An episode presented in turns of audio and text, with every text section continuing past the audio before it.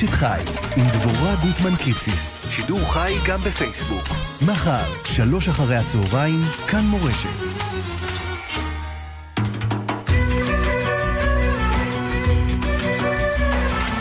שואל ומשיב. שלום לכם וערב טוב מאזיני כאן מורשת 10 ועוד אה, חמש דקות התוכנית שואל ומשיב שאלות ותשובות אה, בהלכה הערב הזה יחד עם הרב אה, עובדיה יוסף. ראש מכון מורשת הרב יעקב יוסף זכר צדיק לברכה ובנו של הרב יעקב יוסף. צוות השידור שלנו משה זמיר על ההפקה מיכאל אולשוונג הוא הטכנאי, אני עמירם כהן כאן איתכם. טלפון רב קווי לשאלות, שאלות בהלכה 072 333 2925 072-333-2925, אתם מוזמנים גם לשלוח לנו מסרונים לתיבת המסרונים שלנו ל-055-966-3991. הרב עובדיה יוסף, שלום לך, ערב טוב. ערב טוב, שלום וברכה. בכבוד. כן, יש לנו בפרשת השבוע דבר מעניין. יש לנו עוד דרשות הר"ן. הוא שואל שאלה גדולה, אנחנו רואים בפרשה הקודמת, יש לנו את לבן, לבן רצה להרוג את, את אה, יעקב, הוא וכל בני ביתו, ובכל זאת הקדוש ברוך הוא לא נתן לו, הקדוש ברוך הוא בא אליו בחלום ולא נתן לו, ישמר לך מדבר מיעקב מטוב ועד רע. לעומת זה כאן, עשיו בא להילחם עם יעקב אבינו. הקדוש ברוך הוא כביכול לא עוזר לו, וירא יעקב מאוד ויצר לו, הוא מתכונן למלחמה ולדורון תפילה, עובד קשה, המצב לא טוב. ועוד הקושייה הגדולה ביותר, איפה המלאכים שלו? מה זה, בובות או מלאכים? המלאכים, במקום לעזור לו, רק מבשרים לו לקראת מה הוא הולך, איזה מלחמה הולך להיות לו, והמצב קשה. ראינו אצל הזוהר הקדוש שכתב אצל אה, שרה, אברהם אבינו תלה את הצלתו, הצלתו אצל שרה שירדה למצרים. למה? אמרינה אחותי את, עמני תבלי בה עבורך, אומר זוהר הקדוש, ראה מלאך לפני שרה.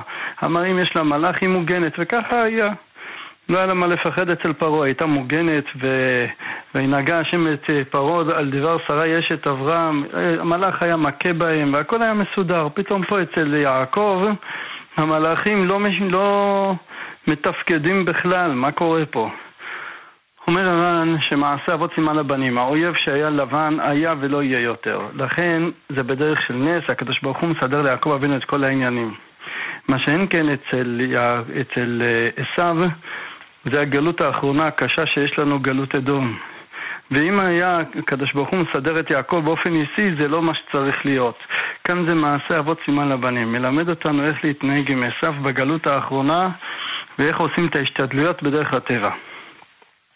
ולכן כאן לא היה זה, זה לא היה באופן של נס, אלא זה היה בצורה כזאת טבעית שהקדוש, שיעקב אבינו התמודד איתו בהתמודדות גמורה ובמהרה מאוד גמר ממנו. יהי רצון שגם הגלות הזאת תיגמר מהר. כן. תודה, תודה לך הרב עובדיה יוסף. אה, שוב רק נפרסם את המספרים למי שרוצה להצטרף אלינו לתוכנית שלנו, התוכנית השבועית בשאלות ותשובות אה, בהלכה הערב הזה אנחנו עם הרב אה, עובדיה יוסף. אתם מוזמנים להתקשר אלינו ל-072-333-2925 או לשלוח לנו מסרונים ל-055-966-3991. הרב ברשותך נפתח עם המסרונים הראשונים שהגיעו אלינו. אה, שואלים, אה, בנות, לפני חתונה, אה, מה נכון, שיער אסוף או פזור? כן, יש לנו בזה מחלוק, כמו סתירה בשולחן ערוך. יש שאלה אם בתולות, עם בחורות שלא התחתנו, אם הן חייבות בכיסוי ראש או לא. בהלכות קריאת שמע מרן מדבר שקוראים קריאת שמע שכנגד בתולות שהן לא חייבות בכיסוי ראש ואפשר לקרוא קריאת שמע נגדם. לעומת זה באבן העזר מרן העתיק דברי הרמב"ם שהן חייבות בכיסוי ראש. אז בא הרב מגן אברהם ואומר שכאן בשיער אסוף, כאן בשיער לא אסוף. זאת אומרת שעיקר העניין של התורה שאמרה שאישה חייבת בכיסוי ראש, הוא פרה את ראש האישה. מכאן לומדים שאישה חייבת בכיסוי ראש. רק כשזה באופן פרוע ומפוזר, אז שייך לבוא ולומר שזה חייב בכיסוי ראש מהתורה, אבל באופן שהיא אוספת את השיער, וכמו עם קוקו וכדומה, מקרה כזה זה לא מהתורה אלא רק מדרבנן. ואצל הבתולות, אז הן עושות באמת את אספת השיער הזה, וזה נחשב להן לכיסוי ראש מהתורה, ולכן מצד אחד אנחנו אומרים שהן צריכות כיסוי ראש כמו נשואות, הכוונה שצריכות לאסוף את השיער ולא לפרוע את השיער. מצד שני אנחנו אומרים שהן פטורות מכיסוי ראש ואפשר לקרוא קריאת שמע נגד השיער שלהן, בזה ישבו את הקושייה. למעשה, יש לנו בזה יביע עומר בחלק ד', חלק אבן העזר סימן ג'. צריך לדעת ללמוד אותו. שם באותיות, באות ב' הוא אומר שיש לומר דת יהודית שנפרצה מותרת. הוא אומר שנכון, בזמן הרמב"ם היה אסור, אבל עכשיו מותר. מה זה דת יהודית? יש דברים שהם אסורים מהתורה, זה נקרא דת משה. יש דברים שאסורים מהמנהג ומנהגי הצניעות שנוהגים בהם, זה נקרא דת יהודית. נשאלת השאלה, דת יהודית שנפרצה מותרת או אסורה? מצדד חזון עובדיה לומר שדת יהודית מותרת. ולכן משמע כאילו מי שקורא את הביאה אומר שמה מבין שכאילו לא חייבות הבתולות לאסוף את השיער שלהם בצורה כזאת של קוקו ושלא יהיה פרוע ופזור. אבל כשנתבונן יותר נראה שזה לא דעתו. למה? שהרי הוא בה, עליו השלום, הוא אוסר פאה נוכרית. יש מחלוקת גדולה אם פאה נוכרית אסורה מהתורה או מדרבנן. לפי החסד לאברהם תאומים זה אסור מהתורה. וסבא מקל בזה, ואומר שזה לא מהתורה, אלא רק מדרבנן. אני מדבר נטו הלכתי, זאת אומרת לא על סוגי פאות למיניהם, וזה כבר עניינים אחרים. אז אה, לפי סבא זה רק דרבנן, הוא אומר ביביע עומר שמה, ממש בתשובה הזאתי, שעניין של פאה זה דרבנן ולכן אפשר להקל לגרושות או אלמנות שכל כיסוי ראש שלהם דרבנן להקל בפאה נוכרית. מה שכן לאישה נשואה לא. איזה דרבנן? דת, יהודי, דת יהודית. זה לא דת משה, זה דת יהודית. לפי החסד לאברהם זה דת משה. ולפי אבי עומר זה דת יהודית. ולכן הוא אומר שאם אישה עכשיו תרצה לבוש פאה, האם מותר או אסור? הוא אומר אסור. עכשיו, אור לציון חלק א' אומר, פאה נוכרית בדיעבד מותר, לא לכתחילה, ודאי שלא, הוא אומר בדיעבד. למה מותר? הוא אומר כי דת יהודית שנפרצה מותרת. ושאלתי את סבא על הדבר הזה, האם דת יהודית שנפרצה מותרת, כמו שאומר אור לציון, וגם הנה, גם אתה בעצמך אומר את זה, בנוגע לבתולות, אומר לו, רק ציטטתי, ולהלכה לא נראה שדת יהודית שנפרצה אסורה. והדבר מפורסם, שסבא אוסר פאה נוכרית. אז ממילא הוא הדין גם פה. כל מה שהוא כתב שם בתשובה זה צידודים בעלמא, ומיד בסוף האות רואים שהוא מצדד לאסור. לכן להלכה למעשה צריך מאוד להשתדל שבתולות ילכו עם שיער אסוף ולא פזור. ועוד יש לנו מהר"ם אל-שקר הידוע, שסבא מביא אותו תמיד, שזה מנהג היה של הספרדים, וככה נהגו הכורדיות והעיראקיות, כמו שמביא הבן איש חי בשנה שנייה בפרשת ויקרא. אומרים שהן היו מוציאות צמות מחוץ לכיסוי ראש. מה זה הדבר הזה? זה כמו שאמרנו עכשיו, שהיות שהשיער אסוף, שזה צמות, אז מותר, למה, למה מותר מחוץ לכיסוי ראש? כי זה חוץ למקום גידולם. אם זה בתוך מקום גידולו, אז זה חייב כיסוי. הראש כולו מכוסה. אבל חוץ למקום גידולו, כמו צמא, אז זה היה המנהג הקדום של, של הזקנות שהיו מוציאות, ככה היה דרך הנשים. וככה מביא שם הבן איש חי שזה פשוט אצלהם בעירה, ככה היו נוהגות. למה זה מותר? כי זה אסוף. הנה רואים מפורש שככה היה מנהג הספרדים לסבור כמו המגן אברהם שזה אסוף, אז זה משהו מיוחד. ממילא צריך מאוד להשתדל בזה, וככה נוהגים היום בכל הבתי ספר, וככה מנהיגים שצריכות הבתולות ללכת עם שיער אסוף. יותר מזה, אפילו לצד השני, הרב אלישיב יש לו חומרה גדולה. הוא אומר, גם אישה שמקילה ללכת בפאה נוכרית, בשום אופן שלא יהיה שיער אסוף של קוקו, שלא יחשבו אולי היא בתולה. חומרה מהצד השני, שאסור לאישה נשואה ללכת בצורה כזאת של שיער אסוף, שלא יחשבו שהיא בתולה. כן. תודה, יישר כוח אה, הרב עובדיה. אני רק אה, אה, רוצה לומר למאזינים ששולחים לנו שאלות בנושא כשרות, זאת לא התוכנית. התוכנית הערב היא בנושא הלכה ושאלות בנושא כשרות. אנחנו בימי שלישי עם הרב מנחם בורשטיין, מר שמואל בורשטיין, סליחה. אנחנו נמשיך ברשותך הרב עם מאזינים בקו הטלפון, בבקשה. שלום עליכם הרב. וברכה. הרב, רציתי לשאול כמה שאלות בהלכות סופגניה. דבר ראשון, אם מברכים עליה בסעודה, ודבר שני, אם משתער בה בישולי גויים. כן. בנוגע לסופגניה, יש לנו מרן. בסימן קס"ח סעיף י"ג, מרן אומר שדבר שבלילתו עבה. זאת אומרת, שלשים את הקמח ואת המים בצורה שכמו בדיוק שתלש לחם. ואחר כך הלכת וטיגנת או בישלת אותו, אומר מרן שברכתו מזונות. אבל יש חולקים ואומרים שכל שתחילת העיסה עבה, אפילו אחר כך בישל אותה במים, מברך המוציא, ככה דעת רבנותם. אומר מרן, שההלכה היא שזה מזונות. אבל ירא שמיים יצא ידי שניהם, ולא יאכל אלא על ידי שיברך על לחם אחר תחילה. זאת אומרת, לא לאכול, לאכול סופגניות רק בתוך הסעודה. זה מרן כותב לנו שכך צריך לנהוג ירא שמיים להחמיר, כי זה ספק המוציא, לפי שיטת רבנותם, ברכתו המוציא. אבל יש לנו באור לציון שהוא חידש חידוש גדול. אומר אם ככה, גם זה חייב בחלל לפי שיטת רבנותם. קיימלן, אם יש אטריות שזה מבושל, או יש לך דבר שהוא מטוגן, כמו ביסלי וכדומה, פטור מהפרשת חלה. כל דבר של טיגון ובישול פטור מהפרשת חלה. אז מרן מביא את ההלכה הזאת ביורד דעה בהלכות חלה. למה הוא לא מביא את שיטת רבנותם? שלפי רבנותם, היות שברכתו המוציא, שמסתכלים על הלישה, גם פה צריך לעשות הפרשת חלה לפי הלישה. ככה הקשה את השאלה הזאת שולחן גבוה ונשאר בצורך עיון. עומר לצי, אור לציון, מרן חזר בו. מרן ביורד דעה חזר בו מאור החיים, וסובר שלא צריך להחמיר כשיטת רבנותם. למעשה, אה, בסבא בעריכות עולם בחלק K, ועמוד רכ"ד מביא את הדברים של אור לציון ומקל בזה, ואומר שלא צריך להפריש חלה. וגם כן, בחזון עובדיה חנוכה, פה אצלנו, הוא אומר שלא צריך לאכול סופגניה בסעודה, ויותר מזה, עדיף לא לאכול בסעודה. אלא עדיף לאכול את הסופגניה אחרי הסעודה.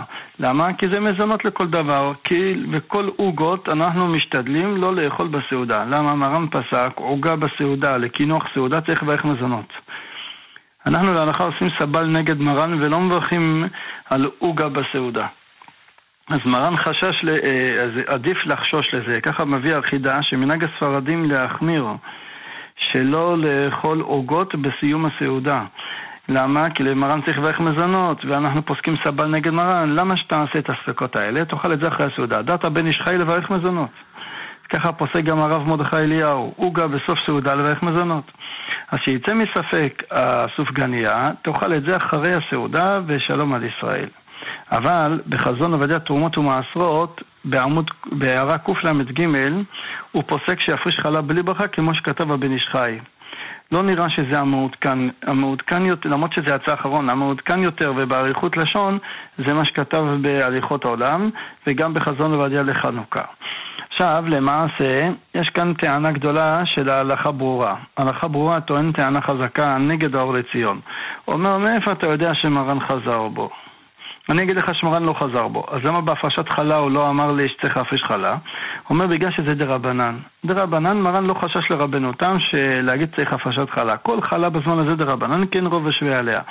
מה שאין כן בהלכות של ברכות, אתה אומר לי ברכתו מזונות או המוציא, ברכת המזון או על המחיה, זו שאלה בדאורייתא. מרן החמיר שיכול את רק בסעודה, שלא תסתבך, שלפי רבנותם אתה חייב בדאורייתא. ככה דוחה הלכה ברורה שמרן לא חזר בו, ולפי זה צריך להמשיך לאכול סופגניות רק בתוך הסעודה, שזה החומרה שיש בדבר הזה. זה לא ברור מה שהוא דוחה, כי דרך מרן יש כלל גדול, שדרך מרן שבחומרה כל דהו דרכו להחמיר. כמו שידוע שמרן בסימן רצ"ד פסק נטע רבעי בחוץ לארץ חייב, כמו שיטת רי נגד כל הראשונים ונגד הרמב"ם. למה הוא חייב אותנו? כי הוא אומר, מה אכפת לך לעשות נטע רבעי בחוץ לארץ? במה זה מתבטא? בחילול על פרוטה. תעשה חילול על פרוטה, להרוויח שיטת רי. זה שיטת מרן, שכל מקום שאפשר להחמיר בכל דהו הוא מחמיר. גם פה, מה אכפת לך להפריש חלה? נכון, זה רבנן והכל. חוץ מזה שלטור ולהרבה ראשונים זה דאורייתא. כי זה דגן תירוש ויצהר, והם לא אומרים שיש דבר כזה רוב השווה עליה. אפילו לפי הרמב"ם שמרן פסק כמותו של דרבנן, מה אכפת לך להחמיר כרבנו תם? תעשה הפרשת חלה, תוציא משהו, תזרוק, בלי ברכה. אז עדיין הטענה של האור לציון יש לה מקום. עכשיו, כל הנידון הזה זה נידון שהיה. למעשה השתנו דברים. כמו שטוען הרב משה לוי, זכר צדיק לברכה, בספר שלו ברכת השם. ואותו דבר טוען גם כן הרב עופר מלכה שיהיה בריא, שהיום הסופגניה עושים אותה בצורה שהיא טעימה, בצורה שיש שם סוכר, ולכן גם רבנו תם לא דיבר על כזה דבר, הוא דיבר על בצק של לחם, שמטגנים אותו. מה שאין כן, כמו פריקסה, כדומה. מה שאין כן בסופגניה, שהיא מתוקה מחמת עצמה, אז זה כבר דה רבנן.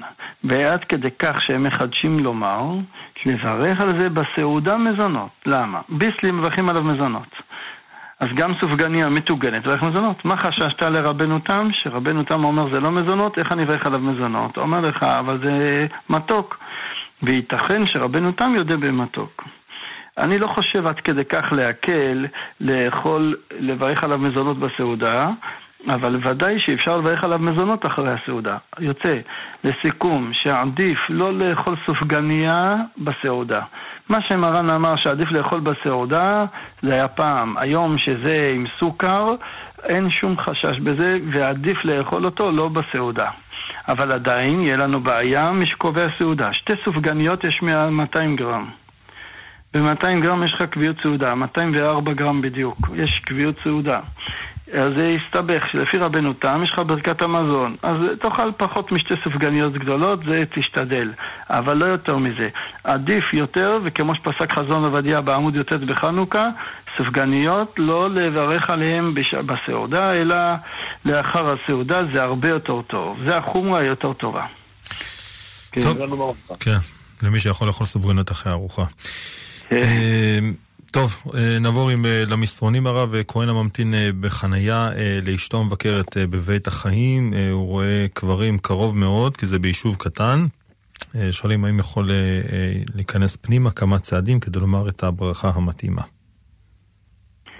שאלה יפה. קודם כל צריך לשים לב שאין שם עצים שמעילים על גבי ה... המקום, ש, שזה יכול לטמות אותו. אבל בהחלט הוא יכול לעמוד uh, ולברך את הברכה, כן, אין שום בעיה עם זה, בהחלט. כן, טוב, uh, נמשיך עם uh, מאזינים, בבקשה. שלום, שלום לרב. ברכה. Uh, אני רואה צאן הרבה שנים, סימן, מעשה אבות סימן לבנים. אני באמת משדל לקיים את זה. הרב דו אמר את זה בפתיחה. גם אני חייב לומר דבר, הסופקניות מאוד לא בריא, עם סוכר מאוד לא בריא. איך לקבוע סעודה על דבר לא בריא. אבל אני, השאלה שלי זה על הפתיחת דבר. ויהי וואטר יעקב, אני אומר ויהי וואטר כי זה וואו, לא וואו. יעקב לבדו. הוא לא פחד מעשיו בכלל. פן יבוא לקני אם על בנים, הוא פחד מהרכוש, לא מהרכוש, אלא הולכים לפניו. מה שלא, הקדוש ברוך הוא לא הבטיח. איש מלחמה, הוא פתח במלחמה אמיתית, ולא היה זמן רב עד שהוא הגיע לעשר. ותפילה. חזק ברוך, חזק ברוך. תודה, אני מודה לרב מאוד, מודה לרב מאוד. יישר כוח, תודה. טוב, נמשיך עם המסרונים שלנו. טוב, לפני רק נפרסם שוב את המספרים. למי שרוצה להצטרף אלינו, להתקשר אלינו ל-072-333-2925, שאלות ותשובות בהלכה עם הרב עובדיה יוסף, טלפון למסרונים 055-966-3991.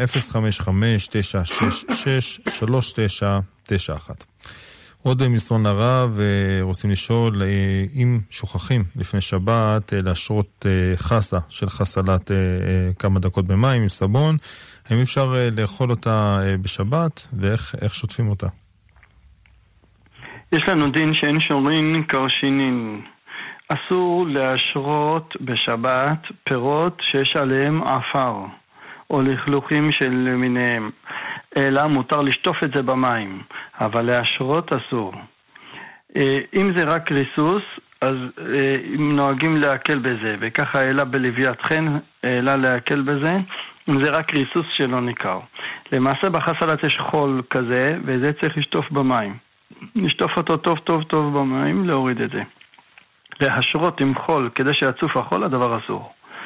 אבל אם זה בשביל להוריד את הריסוס, אז אפשר להקל. אחרי ששטפו אותו טוב טוב במים, הורידו את כל החול, את כל הממשות, אחרי זה אפשר להשרות אותו בתוך מים והכל בסדר. טוב, נמשיך עם מאזינים בבקשה. לא? כן, שלום וברכה.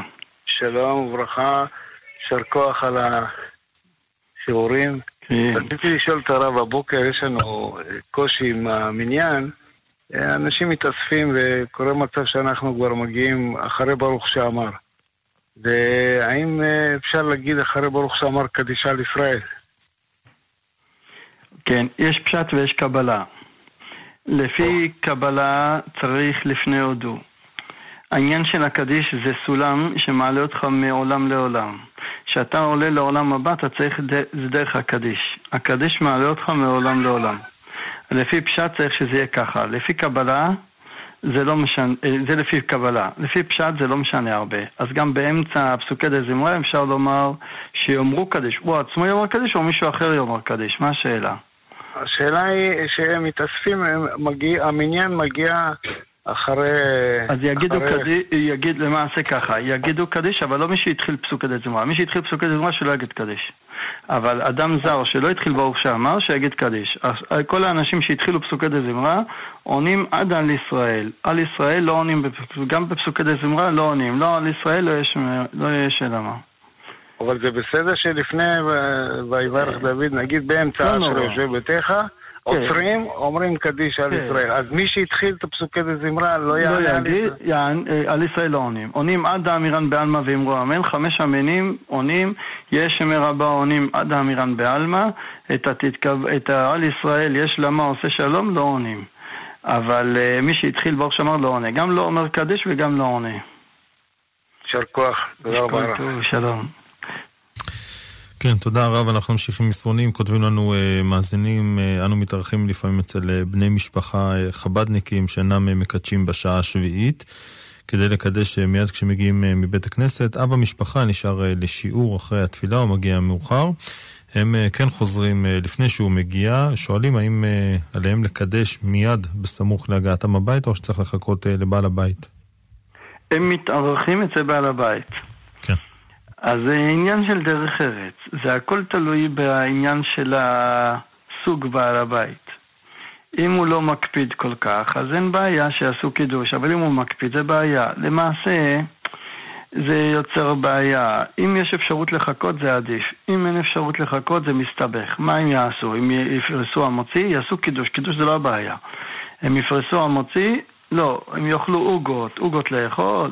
זה חסרון גדול, למה? כי המשנה ברורה הביא לנו שבסימן רמ"ט, שזה חסרון לאכול עוגות לפני המוציא בליל שבת. כי אם אמרו חכמים לא לאכול משעה עשירית, והקובע סעודתו בערב שבת זה חסרון גדול, על אחת כמה וכמה אומר רבי הלכה אחרי קידוש, שאתה לא תאכל את הלחם ותאכל דברים אחרים.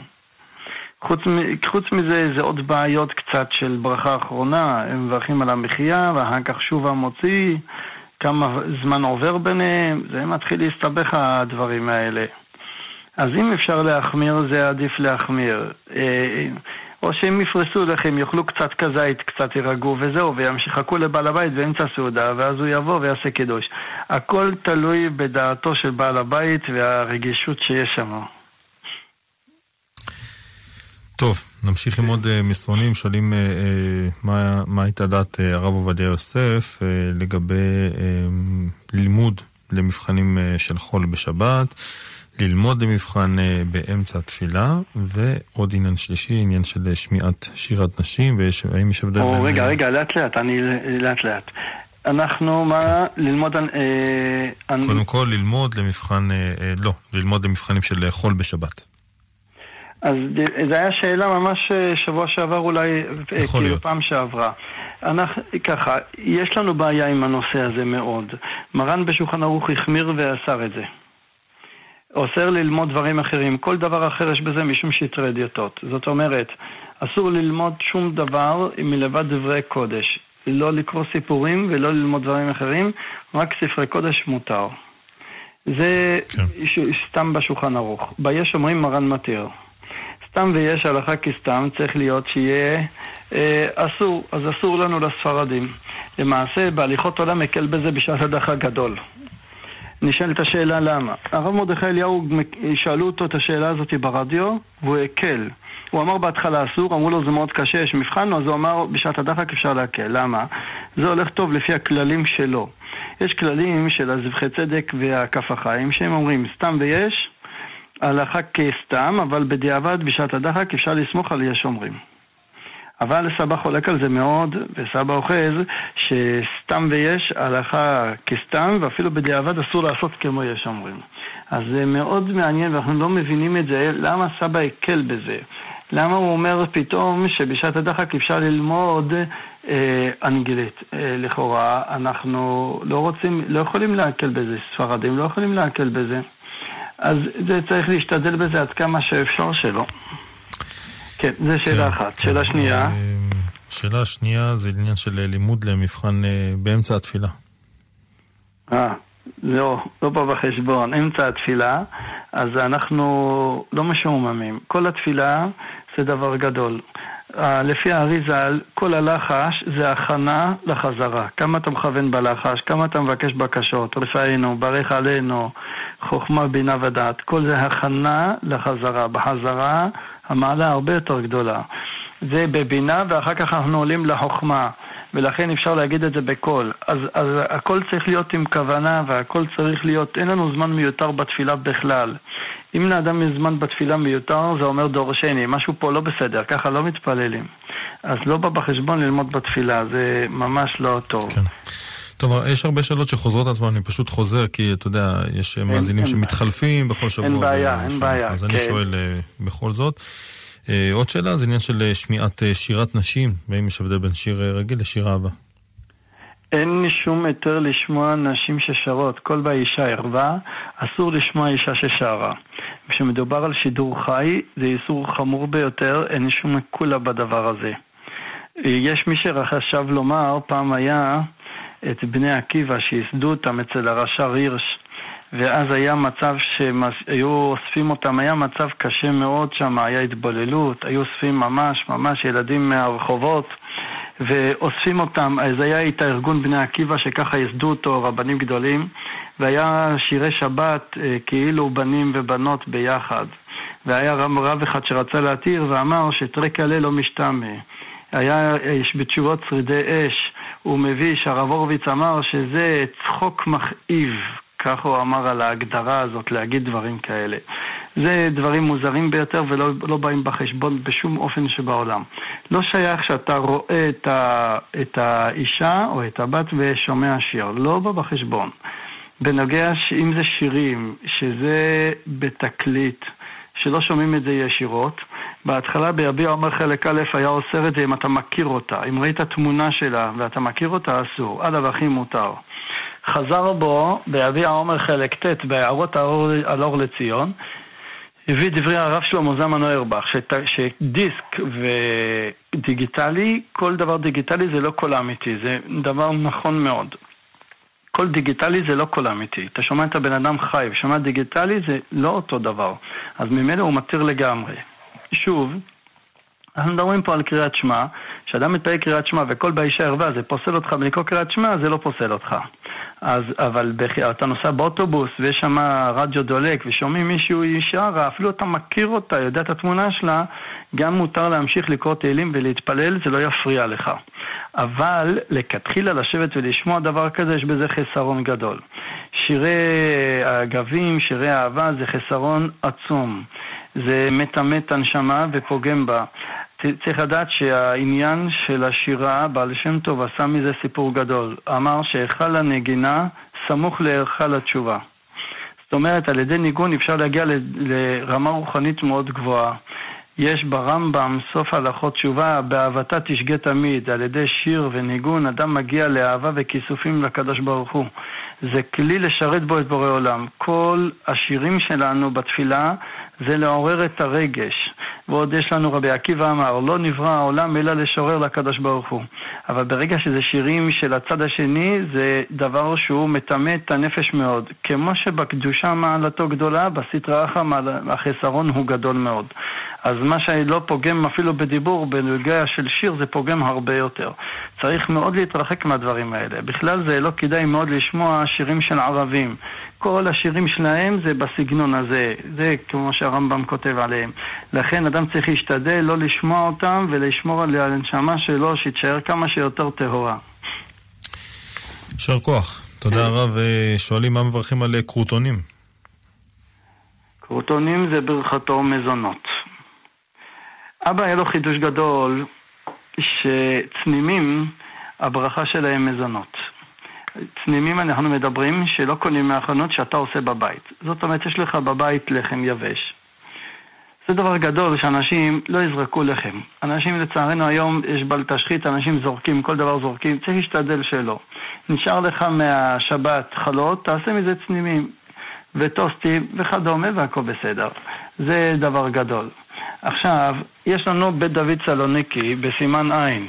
הוא אומר שאם יש לחם לכל דבר, שהוא נשאר והתייבש, ואפו אותו אחר כך ועשו אותו צנימים, זה מה שכתב מרן בסימן קס"ח בישקוגוש.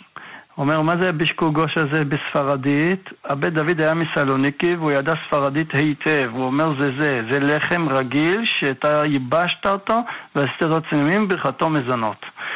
זה כך כותב בסימן עין. הוא סותר את עצמו לסימן פ"ג, אבל ככה הוא כתב בסימן עין ובספר תורת חיים סופר. זה חכם אשכנזי לפני 150 שנה, הוא אומר שצריך לשים לב על התרגום של הבית דוד ולכן תמיד לדעת שזה ברכתו מזונות. אפילו לחם רגיל שייבשת אותו ממש ועשית ממנו צנימים זה מזונות, אבל אם לא ייבשת אלא טוסט, טוסט זה לא ממש יבש, זה משהו באמצע? לא. אם זה יתייבש ממש, אז זה מזונות. כל שכן הקרוטונים, שלא נראה לי שזה לחם שנשאר להם והם עשו את זה, זה במיוחד, אז ודאי שזה מזונות. כלומר, גם הצנימים עצמם, שאנחנו אה, שמים כפרוסות כן. שלמות ומצנימים אותם, אם זה אה, מתייבש ממש, כן, אבל לא, לא חצי צנימים, צנימים כמו שצריך זה מזונות. כן. טוב, תודה לך הרב, ונמשיך עם אה, מאזינה, בבקשה. ערב טוב, כבוד הרב. ערב טוב. שאלתי, אם מותר לי לשמוע שאלות ששואלים את הרב ביום שישי, את הרב, את הרב שמואל אליהו, אני חושבת. מוצפי. הרב אברהם יוסף, סליחה.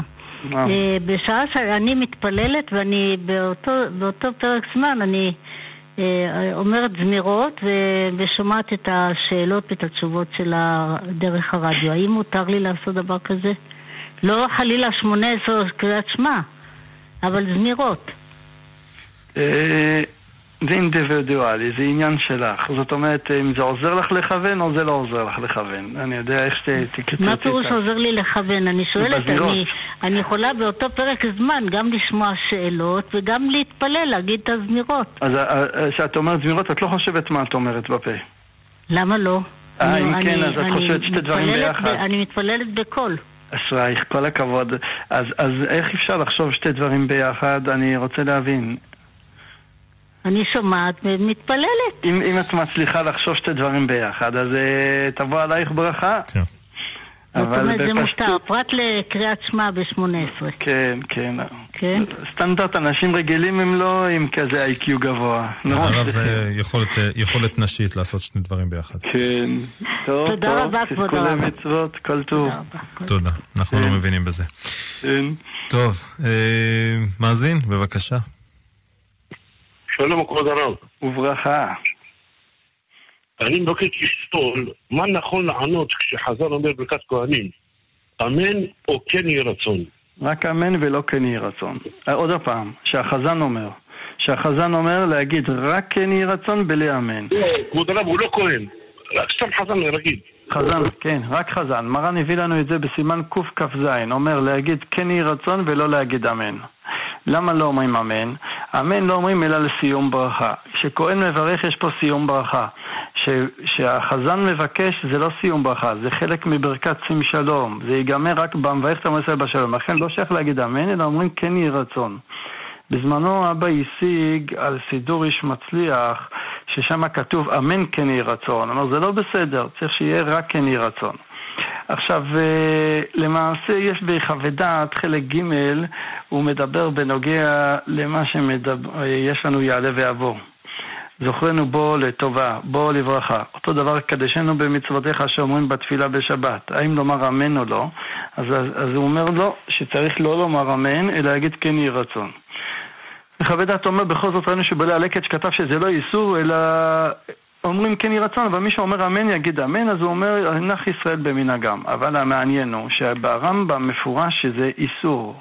וככה בהלכה ברורה, בהלכות ברכת כהנים, בסימן קכ"ז נעלה שפשט דברי הרמב"ם שאסור לומר אמן, אלא לומר רק כן יהי רצון. אז לכן, אז אנחנו נשתדל בכל המקומות ובכל הדברים להגיד רק כן יהי רצון. כל עוד שזה לא סיום ברכה, אומרים כן יהי רצון. אבל ברור שלא לומר אמן כן יהי רצון זה סתם כפל לשון. לא אומרים אמן אלא בסיום ברכה. לכן, כששליח ציבור אומר, אומרים רק כן יהי רצון. טוב, תודה רב, ואנחנו נמשיך עם אה, מסרונים. אה, שואלים, אה, מאחר ושמן זית למאור, לפי דעת המומחים, פסול לאכילה, ואפילו מסוכן, האם זה פוגם בהידור לנרות חנוכה? כן, לעניין נרות חנוכה, שמן למאור. הרב מרדכי אליהו, הוא היה לו קיצונות בזה והוא החמיר בזה. יש ככה, יש את הספר שלו שהדפיסו על הלכות שבת, ושם הם כותבים שזה רק לכתחילה לא, אבל בדיעבד כן. אבל זה כנראה טעות. למה? יש ספר קונטרס, פניני הבן איש חי. והחכם הזה הוא שאל את הרב מרדכי אליהו בעצמו, שיסביר לו למה הוא מחמיר כל כך בשמן המאור. הרי הבן איש חי כתב לנו שאם יש שמן מר, מותר להדליק איתו נר חנוכה, ואפילו אם זה היה תחת המיטה. למה? כי זה לא ראוי לאכילה, לא שורה עליו רוח רעה. אז שמן, מה רבן איש חי אומר מותר, אז למה שהרב יגיד לנו ששמן המאור אסור? הרב הסביר את עצמו בצורה נפלאה ביותר, והוא אומר שיש הבדל גדול בין שמן מר לשמן המאור. שמן מר זה סוג שמן שיש בו חומציות גבוהה והוא לא ראוי לאכילה. היות שזה לא ראוי לאכילה, אז אם כן נגמר הסיפור, אז זה לא ראוי. מה שאין כן בנוגע לשמן המאור. איך עושים שמן המאור? מכל הגפת, מכל השאריות, משרים אותו בספירט.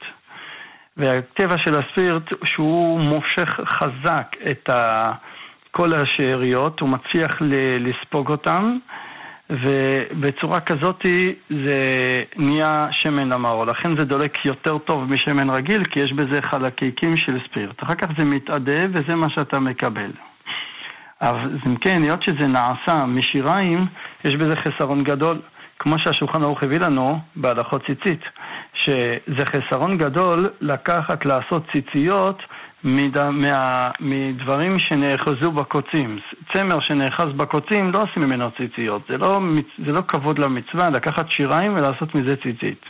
אותו דבר גם פה, איך אתה לוקח שמן שהוא נעשה משאריות ועושה ממנו צורה כזאת לידי מצווה, זה ביזיון למצווה, וזה לא דומה בכלל לשמן מר. שמן דפוק, שמן מר, לא נורא, אבל לקחת שאריות ולעשות מזה שמן זה חסרון. לפי דעתו ודבריו, גם אבא היה מחמיר בזה מאוד, אומר שמן קנולה יותר טוב מזה. מי ביקש ממך לקחת שמן זית, שמן קנולה, ראוי לאכילה, וזה לא עשוי משאריות, תשתמש בזה. בזה שאתה לוקח אה, ומשתמש בשמן המאור, זה, יש בזה חסרון. שלא יהיה ספק שזה קצת דעה יחידה, דעת שאר הרבנים לא להחמיר בזה, ושאפשר להדליק בשמן המאור. למעשה, אה, זו השאלה, האם לקחת שמן המאור או שמן סויה? אבל אין ספק ששמן זית הראוי לאכילה זה הרגיל בנר ולא בנים תלמידי חכמים, זה החומרה הכי גדולה. לחייב בן אדם להשתמש בשמן לא בא בחשבון, כי הידור מצווה עד שליש.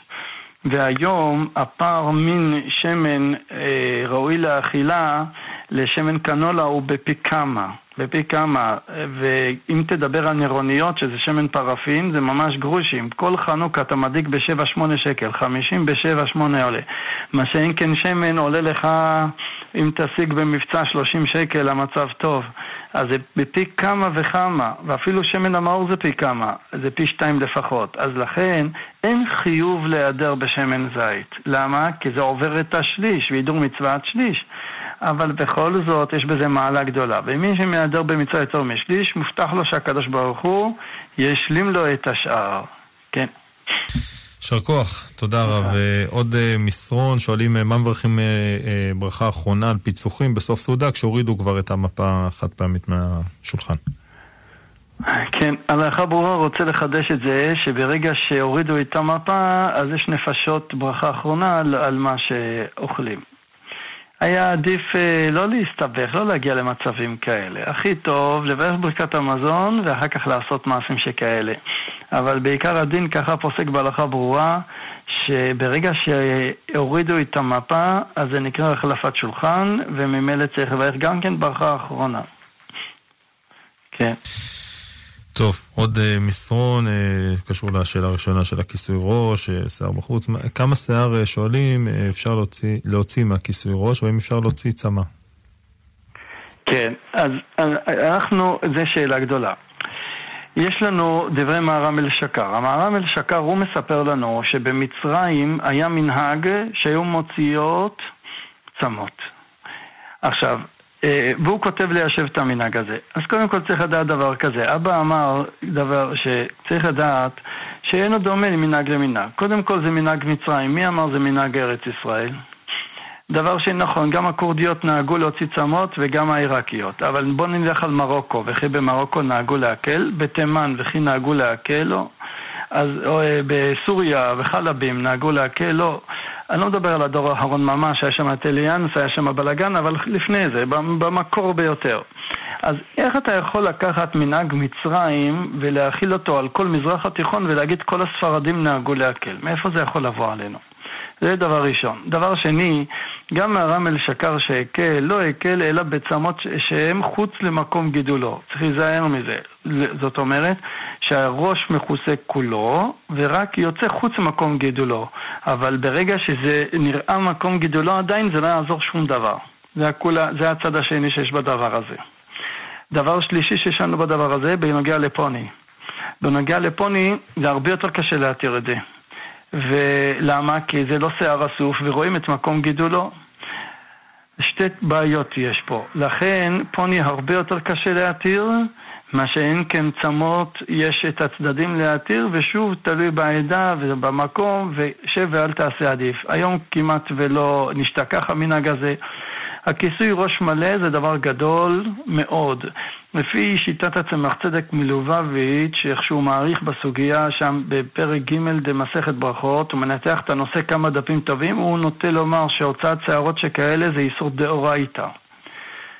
על כל פנים, הבאנו את הנתונים, אז להחלט שכדאי להחמיר, ו... כן, זה הנתונים. יישר כוח, תודה כן. רב. ואנחנו כעשר דקות לסיומה של התוכנית, רק שוב נפרסם את המספרים. למי שעדיין רוצה להצטרף אלינו, שאלות ותשובות בהלכה עם הרב ועובדיה יוסף, 072-333-2925, או תיבת המסרונים 055-966-3991. בו עוד מסרון, אדם שאיחר אה, אה, קדיש לפני הודו, כבר הציבור אמר קדיש, האם אפשר אה, שהמאחר יגיד שוב אה, קדיש? לא, לא לס... זה לא בסדר. אמרו קדיש, נגמר לו הסיפור. הוא לא יכול עכשיו לבוא לאמר קדיש. כן. כן, עוד uh, מסרון, uh, מה הדין, שוב עניין של כיסוי ראש, מה הדין לגבי כיסוי ראש לאישה גרושה כבר uh, 22 שנה, שלא מצליחה להתחתן, והיא מעלה עוד עניין, אולי עדיף להוריד את הכיסור כדי שידעו שהיא פנויה. אה, בשביל זה סבא הקל שיהיה מותר ללבוש פאה. זה כולה מאוד גדולה, וזהו נחלק עם הרב אלישיב. הרב אלישיב החמיר בזה, והוא אומר, הרב אלישיב בדעתו שפאה מותרת. אבל הוא אומר, הפאה שלנו זה לא פאה שדיברו הפוסקים, ולכן היום אין שום פאה שמותרת.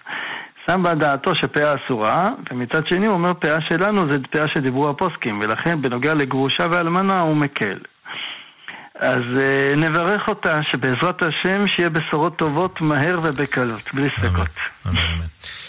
עוד, uh, טוב, השאלה הפותחת של הכיסוי ראש פתח פתח לעוד שאלות. האם מותר לאישה להיות בלי כיסוי ראש ליד נשים? בבית. אישה בבית שלה, אין לה בעיה להיות עם, בלי כיסוי ראש. בנוגע שהיא יוצאת לבחוץ, היא חייבת בכיסוי ראש, לא משנה ליד מי. כן, עוד uh, מסרון, לאיזה כיוון צריך לסובב כסף של אה, צדקה לפדיון הנפש, אדם נוהג uh, לעשות בעת uh, צורך? Uh, מכל סיבובים שאנחנו עושים שמאל לימין, לא לעשות מזה סיפור, כמעט ואין לזה מקור. הרמה הביא את זה באחות uh, כפרות, באריזה אין דברים כאלה, אנחנו לא עושים מזה סיפור. זה לא משנה, צובב על הראש, לא צובב, זה הפדיון עובד בסדר גמור, העיקר זה כסף לצדקה. כן. כלומר, הוא רק צריך אה, להקדיש אותו לצדקה, לומר כן. את זה. צריך לומר. טוב, עוד אה, אנחנו נעבור אל, בעצם אל אה, מאזין, בבקשה. שלום, ערב טוב לרב. ברכה. רציתי לשאול, יש בהלכות שבת מה שנקרא חמה ותולדות חמה. מים שהוחמו על ידי בוילר, יש איסור להשתמש איתם עם כניסת השבת, משום אה, בישול מים קרים שנכנסים.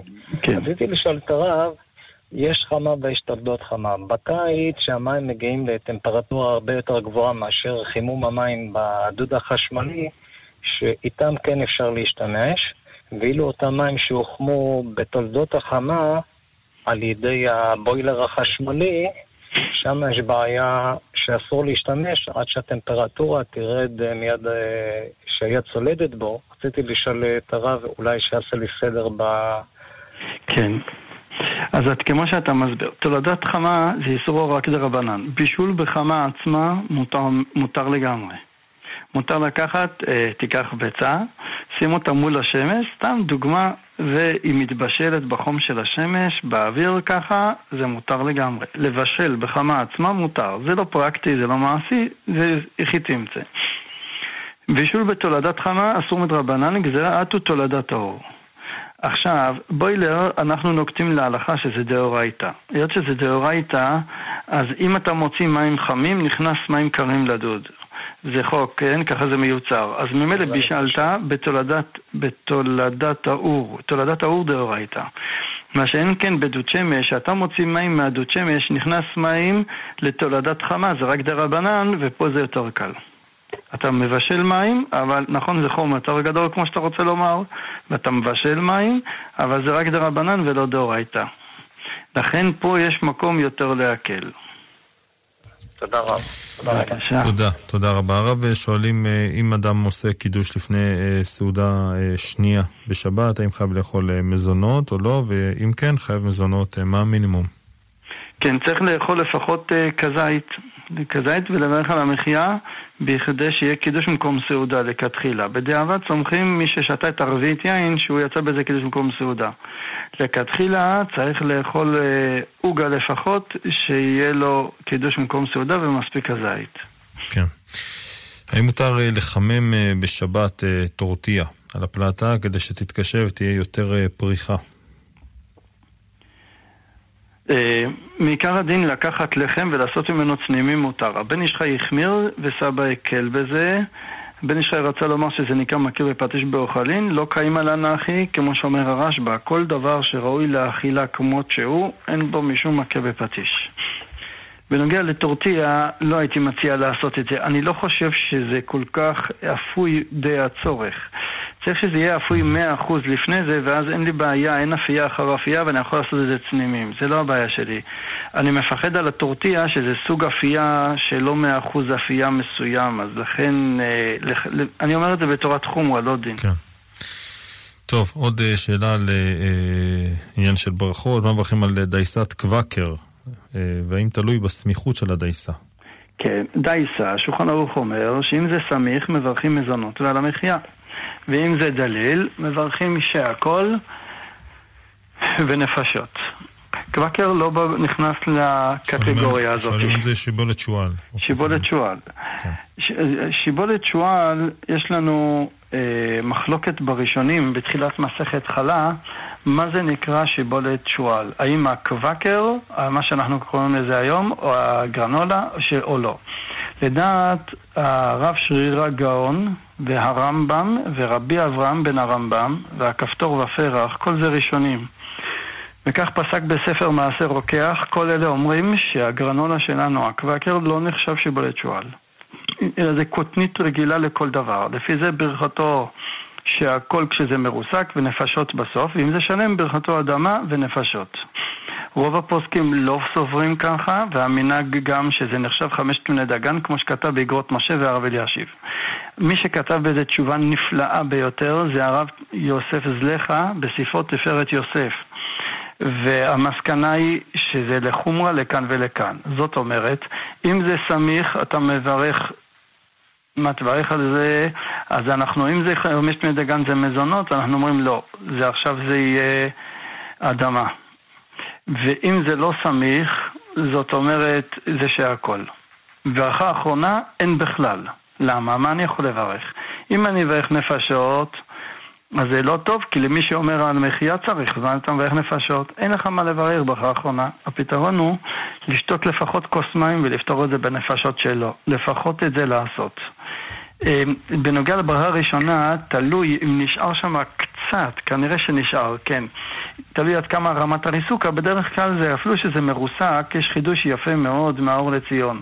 שזה לא נכנס למחלוקת של טרימה, פרי, פרי מרוסק עם ברכתו שהכל או לא, שהבן אישך החמיר בזה וכסת הגדולה החמיר בזה, אלא אה, אם זה יתרסק בצורה כזאת שנשאר גרגירים בגודל חרדל, שזה הפרי הכי, או סומסום, חרדל יותר קטן, שזה פרי הכי קטן שיש בעולם, זה לא נקרא מרוסק עדיין. לכן פירה, כמה שתרסק אותו, יש פה איזה גרגירים שטפחי אדמה וברכתו אדמה. גם פה נראה שעדיין ברכתו, אה, ברכה הראשונה שלו זה אדמה. כן. תודה רב, אנחנו לקראת סיום עוד אה, מאזינה ננסה, בבקשה. ערב טוב. ערב טוב. ישר כוח הרב. כן. יש, לה, יש לי מחם של שבת. יש בו שלוש דרגות. יש בו דרגה בשביל להרתיח את המים, ודרגה לשמור את, החום, כן. דרגה לשבת. האם אני יכולה בתקופות האלה בחורף לשים אותו לדרגה של שמירת חום? זה מותר? אה, אני, קשה לי לענות. אני, אם יש מצב שבת, תשאירי מצב שבת. את- למה לעשות משהו אחר? את, את אומר, אני רוצה להבין, מה זה שמירת חום? זה שמירת חום זה, נושאים מרתיח אותו. מדי פעם, מרתיח אותו מדי פעם ומפסיק מדי פעם, כן? אין לי מושג, זה מחובר על חשמל. תשמעי. אסור לנו, אה, שבת עדיף להשתמש בשבת. את שואלת אותי אם עשית כבר בטעות מאדים, מותר לא, לא להשתמש. עשיתי חס וחלילה, רק בשביל... לא, אני אומר, בוא ננתח את זה ככה. אם לא עשית, לא לעשות. אם עשית, נראה שמותר להשתמש. יש ב- ברב אוירבך בשולחן שלמה, בסימן רע"ז. הוא אומר שמעיקר הדין דבר שיש בו תרמוסטט, מותר להוציא מים. ולא חוששים שמא בדיוק כשאני אוציא את המים אני אפעיל את התרמוסטט. כן? אז לכתחילה אנחנו לא עושים את זה, אבל מעיקר הדין זה מותר. כן, תודה. תודה רבה. תודה, תודה רבה. ננסה. עוד אה, שאלה אחת, האם אה, מותר לענות אחרי המאחר בקדיש? עוד הפעם, כנראה לענות- שאדם שאומר קדיש אה, בצורה איטית יותר, האם מותר לענות אחריו אמנים? בעיקרון עונים על המקדים יותר. על המאחר, אם יש כדי דיבור, אה, מרחק ביניהם, אפשר לענות פעמיים. אבל אם זה תוך כדי דיבור, לא עונים פעמיים. כן, טוב. הרב עובדיה יוסף, ראש אה, מכון מורשת הרב יעקב יוסף עזר צדיק לברכה, אנחנו מודים לך מאוד מאוד על השעה הזאת, על התשובות המחכימות. תודה רבה לכם. כל טוב. ברכה והצלחה. טוב, תודה תודה, רבה. תודה גם אה, לצוות השידור שלנו הערב הזה, למשה זמיר אה, המפיק, מיכאל אולשוונג, הוא היה הטכנאי שלנו, אני אמירם כהן, הייתי כאן איתכם. תודה לכם אה, מאזינים, בעיקר לכם, על ההאזנה, על ההשתתפות, ואנחנו מתנצלים בפני המאזינים הרבים שלא הספקנו אה, להקריא את המסרונים או לחזור אליהם אה, טלפונית. אחרי חדשות שעה, שעה 11, הרב שלום ארוש, ראש ישיבת חוט של חסד, בעוד שאלות ותשובות. אה, בחצות, ז'וז'ו אבוטבול, שיחות עם מאזינים ואורחים באולפן, שיעורי התורה שלנו, לאחר מכן בית מדרש משודר בכל לילה בין 2 ל-5, שיעורי תורה אה, מגוונים, רבנים שונים, בחמש, תפילת שחרית עם משה חבושה. שתהיה לכם המשך האזנה נעימה, לילה טוב, בשורות טובות.